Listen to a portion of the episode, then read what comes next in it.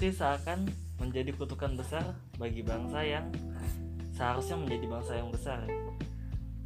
Dari zaman Romawi kuno hingga zaman globalisasi, termasuk di Indonesia, masalah korupsi tidak pernah selesai, selalu ada dari masa penjajahan hingga masa reformasi. Saat ini, kami yang sedang gelisah dengan korupsi ingin berdiskusi dengan teman-teman. Gue sendiri, Rizik, saat ini sedang bersama Selen. Kemudian ada Wening, Halo.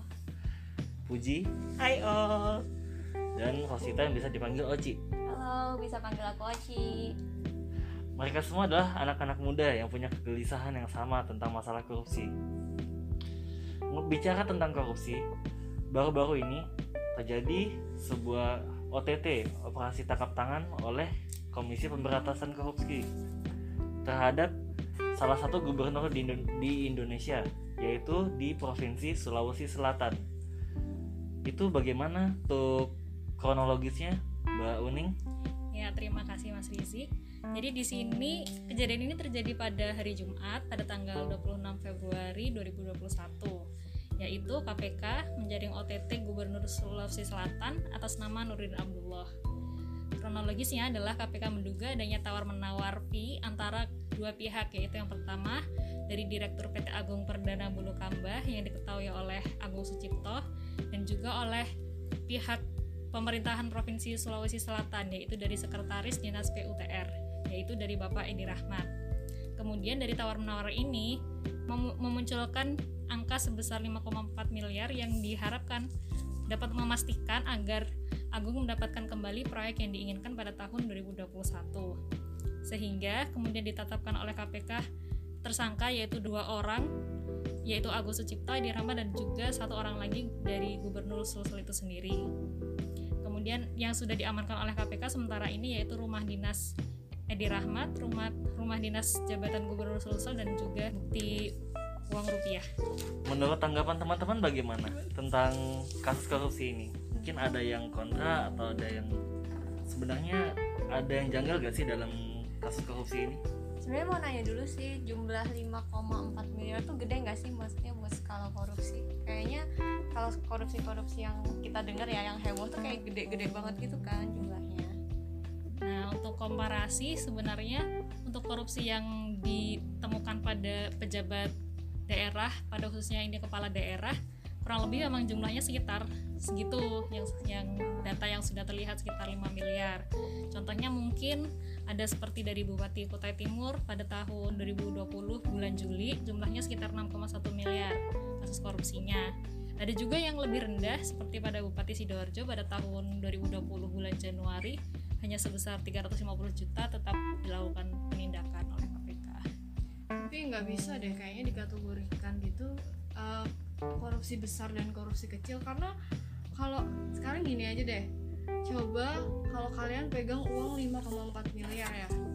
Kalau kalian beliin tuh gorengan di pinggir jalan apalagi gorengan-gorengan di depan SD itu udah dapat berapa? Terus juga kalau semisal si uang 5,4 miliar itu bisa dialokasiin sebagai uh, mungkin pemberian beras dan lain sebagainya ke orang-orang miskin dan juga tadi kan kita kan ngangkat kasus kan soal Sulawesi ya. Nah kita tahu juga di Sulawesi tuh sedang terdampak musibah ya waktu itu. Nah jadi aku rasa sih uang 5,4 miliar tuh ya besar lah gimana sih masa orang uang 5,4 miliar itu kecil kan? Aneh banget maksudnya bisa bisa untuk hal lain gitu loh Sabar mbak, sabar. ya ngapain gitu loh kan nggak bisa nih emosi saya jadinya Eh, tunggu, jangan emosi dulu mas. Saya kan sekarang ini kasus masih dalam tahap penyelidikan ya. Jadi kan kalau aku baca juga tuh kayak banyak pro kontra gitu karena kalau dari si gubernurnya sendiri dia masih gimana ya bilang dia nggak tahu apa-apa gitu loh. Jadi itu kan intinya uangnya ditemukan di eh, bagasi mobil dia kalau nggak salah. Dia tuh bilang dia nggak tahu apa-apa, terus semacam konspirasi. Karena gimana ya kalau kasus korupsi itu kan ada kemungkinan juga dia jadi kambing hitam. Tapi kalau kambing hitam tuh kayak aneh banget. Sekarang coba aja ya. Kalau semisal semua koruptor ngomong dia itu dikambing hitamkan itu sama aja mereka tuh playing victim. Berarti semua orang di suka miskin tuh nggak nggak ada yang salah gitu kan gimana sih? Nggak bisa dong kayak ya gitu. tapi maksudnya kan dia uh, gimana ya kayak kita nggak bisa bilang dia bersalah gitu. He's not guilty until he's proven guilty kan. Masih dalam tahap penyelidikan nih buat kasusnya ini. Iya sih. Menarik sih ya. Tapi ngomong-ngomong kalau begitu ada ambiguitas ya tentang bagaimana sih kita bisa menuduh seorang telah melakukan tindak pidana korupsi? Mungkin kita perlu lebih tahu dulu tentang bagaimana sebuah tindakan dikategorikan sebagai tindak pidana korupsi Nah, tadi kan kita sudah berbicara baik dari Mbak Selen maupun Mbak Wening dan Mbak Oci tentang pendapat kasus ini. Sebenarnya tindak pidana korupsi sendiri itu ada tujuh jenisnya, mulai dari merugikan keuangan negara, penyuapan, penggelapan dalam jabatan, pemerasan, perbuatan curang, benturan kepentingan dalam pengadaan, dan gratifikasi. Sedangkan kasus Nurdin Abdullah yang sedang kita diskusikan ini untuk KPK sendiri menjerat Pak Nurdin ini dengan eh, delik di pasal 11 dan pasal 12A dan B Undang-Undang Nomor 31 Tahun 1999 tentang tentang tindak pidana korupsi yang diubah dengan Undang-Undang Nomor 20 Tahun 2001. Apa isinya pasal 11 dan pasal 12A dan B yang dijeratkan kepada Pak Nurdin itu? Itu sebenarnya intinya adalah tindak pidana tentang penyuapan. Jadi eh, Pak Nurdin di sementara ini dalam proses penyidikan dan penahanan oleh KPK untuk tindak pidana penyuapan yang di pasal 11 adalah tentang menerima hadiah atau janji karena kekuasaan dan kewenangannya ataupun di pasal 12 karena eh, menerima hadiah atau janji untuk agar dia melakukan sesuatu atau tidak melakukan sesuatu ataupun juga apa menerima hadiah atau janji atas perbuatan atau tidak melakukan sesuatunya dia yang sudah dilakukan sebelumnya. Hmm, seperti itu. Nah, tapi ngomong-ngomong ya, kayaknya agak aneh karena Bapak Gubernur ini kan pastinya bukan orang miskin. Nah, lalu apa sih kira-kira yang bisa menjadi motivasi bagi para pejabat untuk tetap melakukan tindak pidana korupsi? Apa sih penyebab mereka itu motivasinya? nah sebelum ngomongin motivasi ini mau nambahin juga sih bapak tuh kan masalahnya sepak bukan sepak terjang ya apa sih maksudnya kayak selama ini tuh dia baik gitu loh image dia. Kayak dia tuh bahkan pernah dapat penghargaan eh, anti korupsi Bung Hatta di tahun 2017 kayak itu tuh penghargaan tentang anti korupsi gitu. Terus dia sekarang terjerat kasus korupsi ya. Dia tuh pernah juga dapat piagam medali dari Jaksa Agung karena dia ngembangin eh, tentang kanting penjujuran gitu. Dapat bintang jasa juga pernah. Dan bahkan maksudnya kalau di image media dia juga pernah dapat sebutan-sebutan yang positif lah intinya image dia. Kan aneh nggak sih maksudnya? Bisa banget kayak dari yang image-nya baik terus terjerat. Malah kalau aku ngomong sih itu ironis banget sih ya. Lagian juga kalau aku baca eh, penghargaan yang didapat dari bapak itu itu juga nggak apple to apple buat dibandingin sekarang gitu loh. Karena emang penghargaan yang didapat itu ketika eh, si Pak Nurdin itu menjabat sebagai bupati. Nah kan pasti beda ya orang eh, ruang lingkupnya aja udah beda dari eh, apa namanya kabupaten dan juga provinsi udah beda. Nah ditambah lagi proyeknya pasti lebih banyak juga semakin gede semakin banyak. Jadi kayak nggak bisa di apa ya maksudku malah itu harus dibikin catatan gitu loh bukan bukan sesuatu hal yang jadi bikin kayak ah Pembenaran. bener nggak ya iya bukan pembenaran tapi harus dijadiin catatan kalau aku ngomong sih berarti tadi kalau Mas Rizky nanyain tentang motivasi bisa nggak sih maksudnya kayak ada godaan-godaan eksternal Iya, gitu ya iya, gitu. terus berarti ya dari dirinya sendiri juga ya kayak Iya. sebelumnya mungkin dia nggak kepikiran terus ini kalau misalnya dia beneran ya beneran iya terbukti korupsi Menarik sih, tapi Mbak Bening kelihatannya lagi mikirin sesuatu ini. Gimana menurut Mbak Masih Bening? ada pendapat juga juga ini ada keterkaitan dengan biaya politik yang tinggi. Karena semakin tinggi suatu jabatan otomatis biaya politiknya semakin tinggi. Biaya politik untuk jadi gubernur tentu saja pasti berbeda dengan biaya politik menjadi bupati. Yang mana saking tingginya biaya politik itu tidak akan tertutup oleh baik itu dana pribadi si calon gubernur atau calon bupati maupun dari gaji yang mungkin akan mereka dapatkan selama lima tahun menjabat. Jadi seakan-akan mereka terpaksa mencari dana tambahan lebih untuk bisa menutup hutang-hutang yang mereka gunakan sebagai biaya politik tadi biar yang mana modal gitu ya. iya yang mana itu peluang yang besar untuk Kasihan terjadinya sekali. suatu tindak korupsi melihat kasus korupsi ini terus terjadi dan kita mulai mendapatkan insight ya tentang apa sih yang menjadi motivasi bagi koruptor itu melakukan korupsi kira-kira tin- tindakan pencegahan apa yang bisa kita lakukan untuk mencegah kasus korupsi ini terjadi ke depannya? Tindakan pencegahan udah banyak nggak sih maksudnya eh, kita dari kecil juga di apa ya diajarin banget buat jujur nggak bohong dan nggak gimana ya kalau nemu uang dibalikin gitu nggak sih? Kayak pelajaran-pelajaran dari zaman kita sekolah dasar tuh juga tentang anti korupsi gitu dan kayak kalau kita nih sekarang di lingkungan kerja juga udah pasti banyak materi-materi eh, sosialisasi kampanye tentang anti korupsi dan kayak apa ya dampak-dampak yang apa yang kalau misalnya kita korupsi itu kita bisa merugikan apa sih buat negara gitu kan udah banyak sebenarnya Iya sih, tapi kalau ngomong soal waktu kecil ya, tapi banyak juga gitu loh waktu kecil. Gini aja deh, ambil kasus aja kalian disuruh untuk membeli sesuatu gitu di warung, warung dekat rumah. Ngomong aja beli gula gitu. Dikasih uang tuh sama orang tua tuh 15.000 ribu.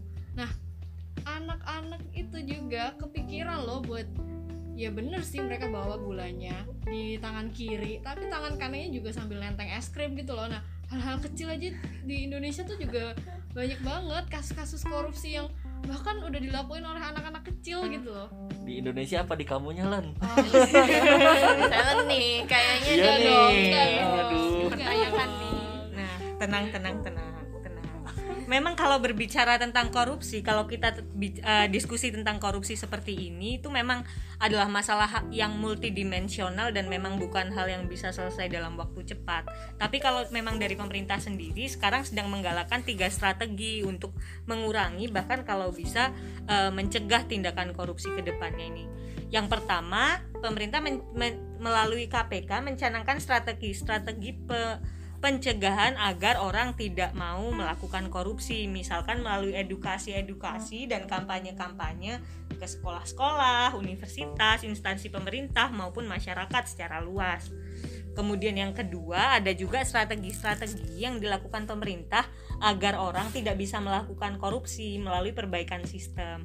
Misalkan kewajiban penyelenggaran sekarang penyelenggara negara maupun ASN diwajibkan untuk mengunggah LHKPN mereka ag- agar eh, mereka secara berkala menginformasikan tentang harta kekayaan mereka.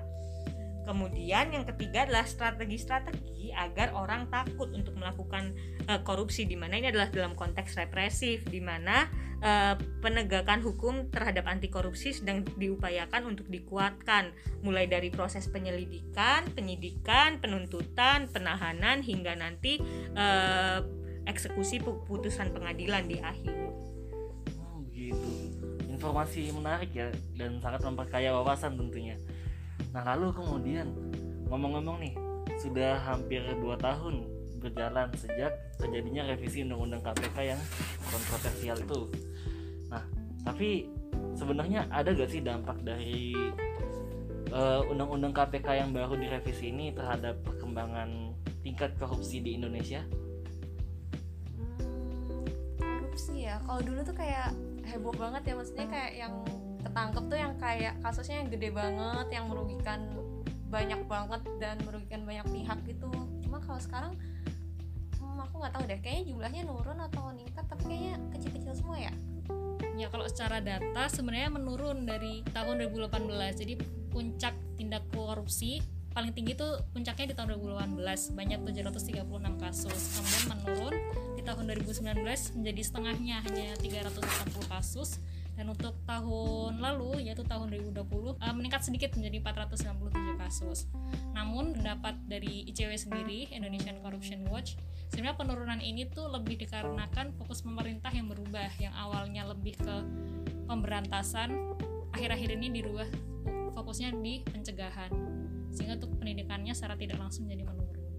Dari segi jumlah ya dari segi jumlah. Nah kan kalau denger datanya kayak gitu berarti sebenarnya nggak ada nggak ada gunanya juga ya.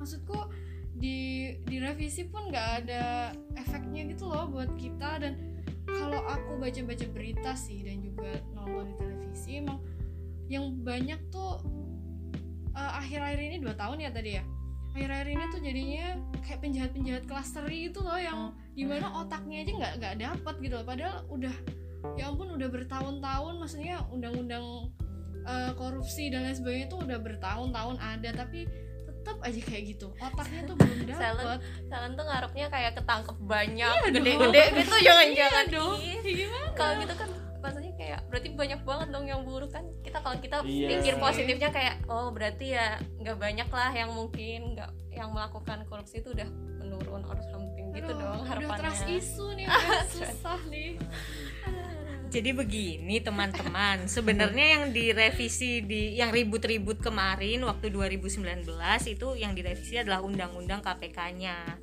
Sebenarnya KPK secara suatu organisasinya mulai dari struktur, organisasi dan kewenangannya. Misalkan eh, dulu nggak ada dewan pengawas, nggak ada tuh yang namanya dewan pengawas yang ada cuma pimpinan KPK dan pegawai-pegawainya. Sekarang jadi ada. Eh, apa tugas apa fungsinya ada dewan pengawas ini? Misal ah, agar supaya KPK dalam melakukan eh, tindakan-tindakannya sebagai aparat penegak hukum tuh ada mekanisme pengawasannya agar tetap bisa akuntabel. Karena bagaimanapun tindakan-tindakan penegakan hukum misalkan eh, penyadapan atau apa itu kan sebenarnya secara umum melanggar hak asasi manusia sehingga butuh eh, kewenangan dan justifikasi yang jelas. Tapi kalau sebenarnya secara substansi apa sih yang termasuk eh, tindak pidana korupsi? Apa saja yang dapat dipidana? Itu diaturnya bukan di undang-undang KPK-nya tapi di undang-undang eh, pencegahan tindak pidana korupsinya di mana ya, itu tidak dirubah tetap diatur dalam undang-undang 31 tahun 1999 yang sudah diubah dengan undang-undang nomor 20 tahun 2001 ini. Cuma memang kalau berbicara tentang eh, pemberantasan tindak pidana korupsi secara luas memang banyak dimensinya karena itu eh, saling bertautan antara pembuatan peraturan perundang-undangan yang baik, penegakan hukum oleh aparat penegak hukum yang berintegritas dan tidak pandang bulu, dan dari masyarakatnya sendiri yang harus memiliki eh, tingkat kejujuran dan tingkat akuntabilitas yang baik. Begitu Berarti sekarang udah nggak sebenarnya. ada macam agent spy langsung nyadap nyadap gitu kali ya nyari buktinya Iya, kalau di film-film kan James Bond banget ya. kalau kalau bicara kayak di film kan kita taunya pas aksinya doang. Bisa jadi sebenarnya di belakangnya juga ada proses administrasi Ribet yang ya, ribet. administrasi. itu birokrasi yang iya Benar, cuma benar. kelihatan pas aksi-aksi keren-kerennya Iya, doang. Salon tertarik nih jadi Waduh. orang KPK kelihatan. Beban kerjanya berat juga ya. Dari diskusi yang dari tadi kita lakukan rasanya sudah bisa ditarik kesimpulan ya teman-teman bahwa jalan panjang masih menanti penyelesaian kasus tindak pidana korupsi Gubernur Sulawesi Selatan karena bagaimanapun juga ada asas praduga tidak bersalah yang berlaku di sistem hukum pidana di Indonesia. Kasus korupsi sendiri bisa terjadi karena kebiasaan maupun niat dan tentunya adanya kesempatan. Namun korupsi masih bisa dicegah dengan berbagai metode. Mulai dari pembiasaan nilai anti korupsi yang dilakukan sejak dini, seperti dengan adanya kantin kejujuran di setiap sekolah, kemudian membiasakan anak jujur sejak di rumah, hingga di tingkat lanjutan seperti pengawasan keuangan yang lebih ketat, hingga sosialisasi penegakan regulasi anti korupsi. Jadi menurut teman-teman, bisa nggak sih korupsi hilang dari Indonesia? Sambil direnungkan bersama, kami pamit undur diri dulu ya. Sampai jumpa lain waktu kawan-kawan. Bye bye. bye.